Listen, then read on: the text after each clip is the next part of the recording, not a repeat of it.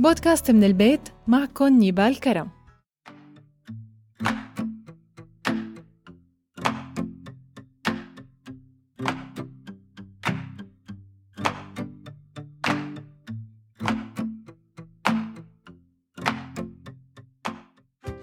مرحبا.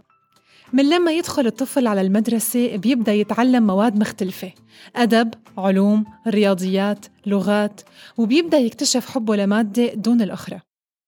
والمراحل الأولى بعمر الطفل صعب يكتشف حبه أو كرهه لمادة معينة إلا إذا الأم واجهت صعوبة بمساعدة ابنها على دراسة مادة ما. وعلى الأغلب بيبدأ الشباب والصبايا من عمر 13 سنة وما فوق يظهر ميلهم للمواد العلمية أو المواد الأدبية بسبب حبهم لمادة أو رغبتهم الفضولية تجاه أخرى. لكن الأمر الغريب لما بيبدأ الطالب يكره مادة علمية أو أدبية وبتصير مثل كابوس لإله ومستحيل يقدر يفهمها أو يواصل تعلمها. وإذا كان مضطر فهو ما بيحصل على علامات جيدة فيها رغم ذكائه. وأكثر مادة بنتعرض فيها لهي المشكلة هي مادة الرياضيات. شو السبب؟ هذا موضوع حلقتنا لليوم خلونا نبدأ.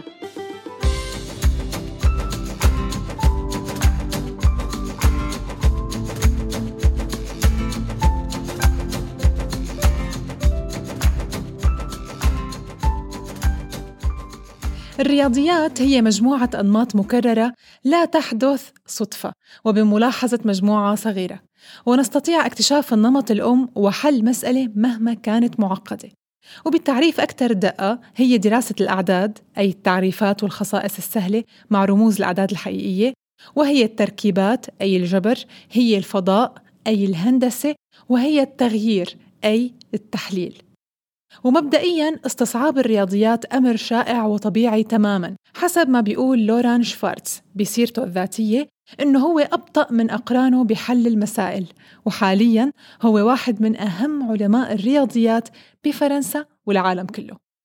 ولازم نعرف معلومة مهمة نحن بنتعلم الرياضيات لثلاث أسباب وهي الحساب التطبيق الإلهام.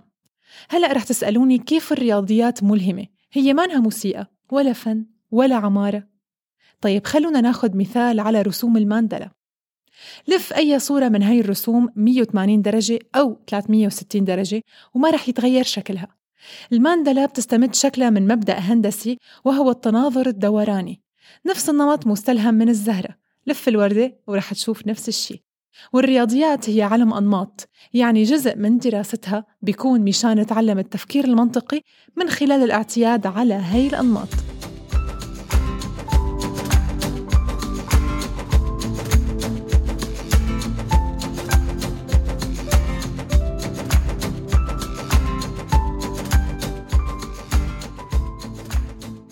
طيب شو هي السيناريوهات المحتملة يلي منقولها لنبرر كرهنا لمادة الرياضيات؟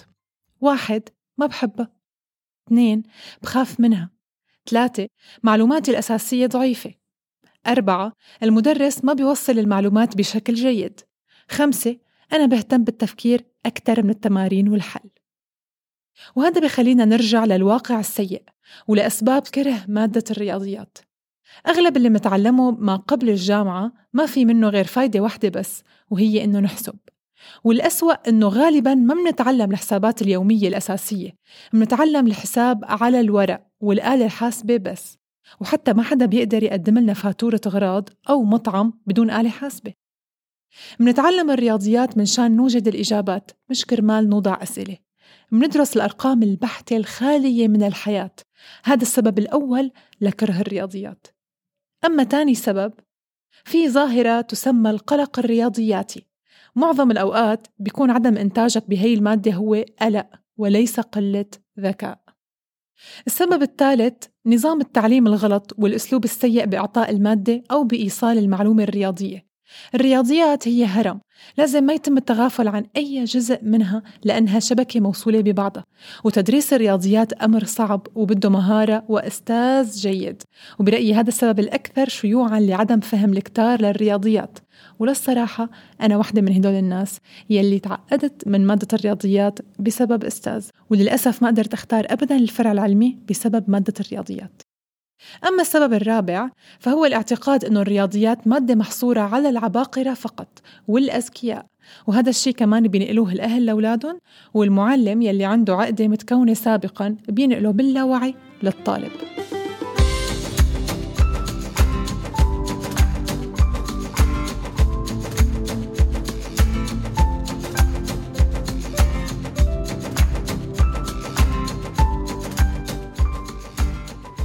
طيب شو هي النصايح لحتى الواحد يقدر يتحسن بالرياضيات؟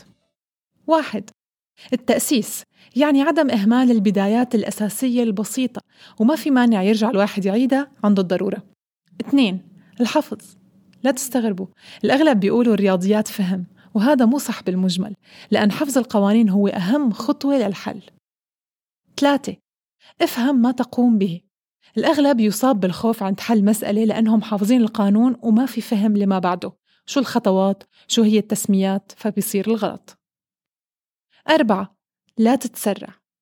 خمسة ما في حظ بالرياضيات يعني ما في تخمين وما في تحذير. ستة وأخيرا حل الأسئلة والتمرين الدائم. استمر بالحل. وفي حكمة بتقول مهما أعطيتني من أرقام فستكون تلك الأرقام أقرب للصفر من أن تكون أقرب لغير المحدود. هيك المعرفة. مهما كانت كبيرة رح تكون أقرب للجهل من الكمال.